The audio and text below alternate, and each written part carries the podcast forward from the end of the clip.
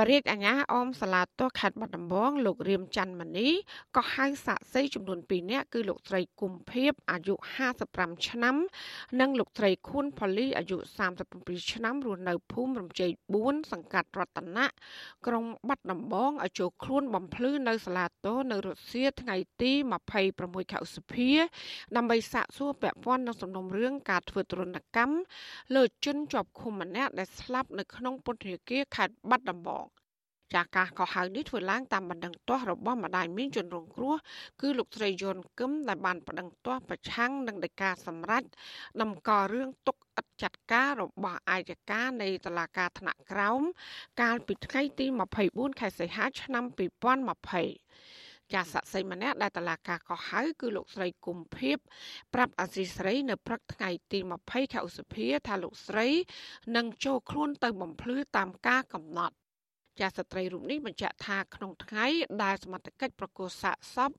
ឲ្យសាច់ញាតិយកទៅធ្វើបុណ្យក្រោយពេលស្លាប់ គឺលោកស្រីបានឃើញផ្ទាល់នឹងភ្នែកដោយសាកសពជនរងគ្រោះនោះ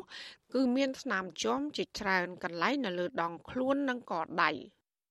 ខ្ញុំឃើញមកខ្ញុំថាអញ្ចឹងព្រោះអត់មាននិយាយលើសនិយាយខ្វះអីទេនឹងនិយាយធ្វើម៉េចព្រោះអាណិតគ្នាគ្នាស្លាប់បាត់គ្នាចិត្តទេកូនទៅទូប្រគ្មានដីគ្មានផ្ទះអីនៅឯណានៅញ៉ាផ្ទះពូដែរនេះមានអីពឹងប្តីឥឡូវប្តីគេវាយស្លាប់ក្នុងគុកទៀតមានអីពឹងហើយអ្នកខ្ញុំអ្នកពីក៏មិនរកខុសត្រូវអីគ្នាមករៀមកាត់អីក៏គ្មានប្តីស្លាប់ទៅទេហើយខ្ញុំក៏ជួយអីបានដែរលោកពូក៏នឹកឃើញប៉ុណ្ណាខ្ញុំថាប៉ុណ្ណឹងអញ្ចឹងឃើញវាស្លូតដែរហ្នឹងមនុស្សហ្នឹងស្លូតទៅគូយកគ្នាទៅធ្វើបាបដល់ស្លាប់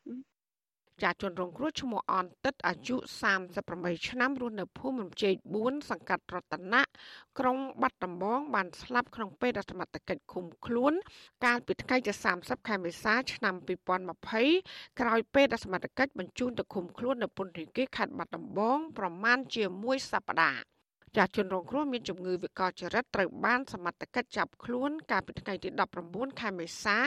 បន្ទាប់ពីគាត់ចូលទៅបើកឡានរបស់អ្នកភូមិម្នាក់ បុករបងផ្ទះគេហើយបណ្ដាលឲ្យខូចផ្នែកខាងមុខនៃឡានភ្លាមភ្លាមនោះសមត្ថកិច្ចក៏បានចាប់ខ្លួនលោកអន្តិតយកទៅឃុំខ្លួននៅទីបញ្ជាការដ្ឋានអាវុធហត្ថខេត្តបាត់ដំបងមួយរយៈហើយរួចមកក៏បានបញ្ជូនទៅឃុំខ្លួននៅពន្ធនាគារ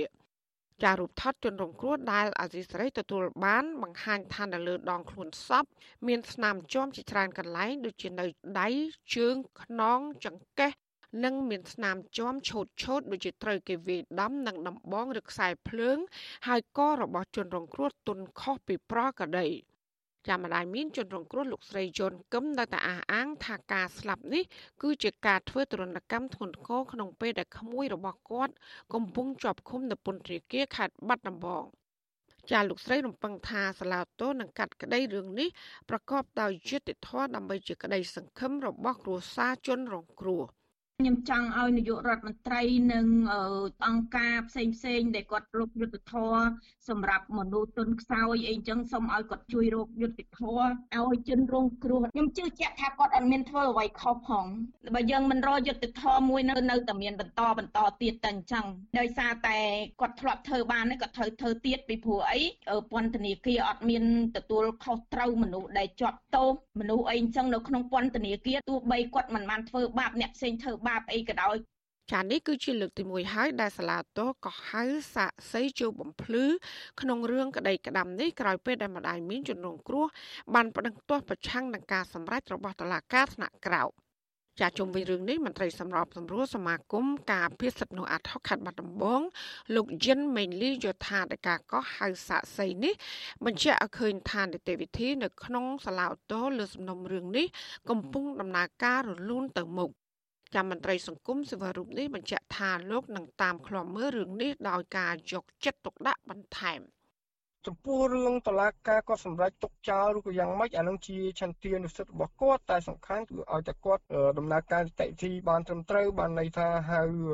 សាក់សីហៅអ្នកដែលពាក់ព័ន្ធដើម្បីទៅធ្វើការឆ្លើយបំភ្លឺឲ្យគាត់ធ្វើការសម្រេចប្រើប្រាស់ឆន្ទានុសិទ្ធិចឹងទៅអានឹងយើងមិនមានអី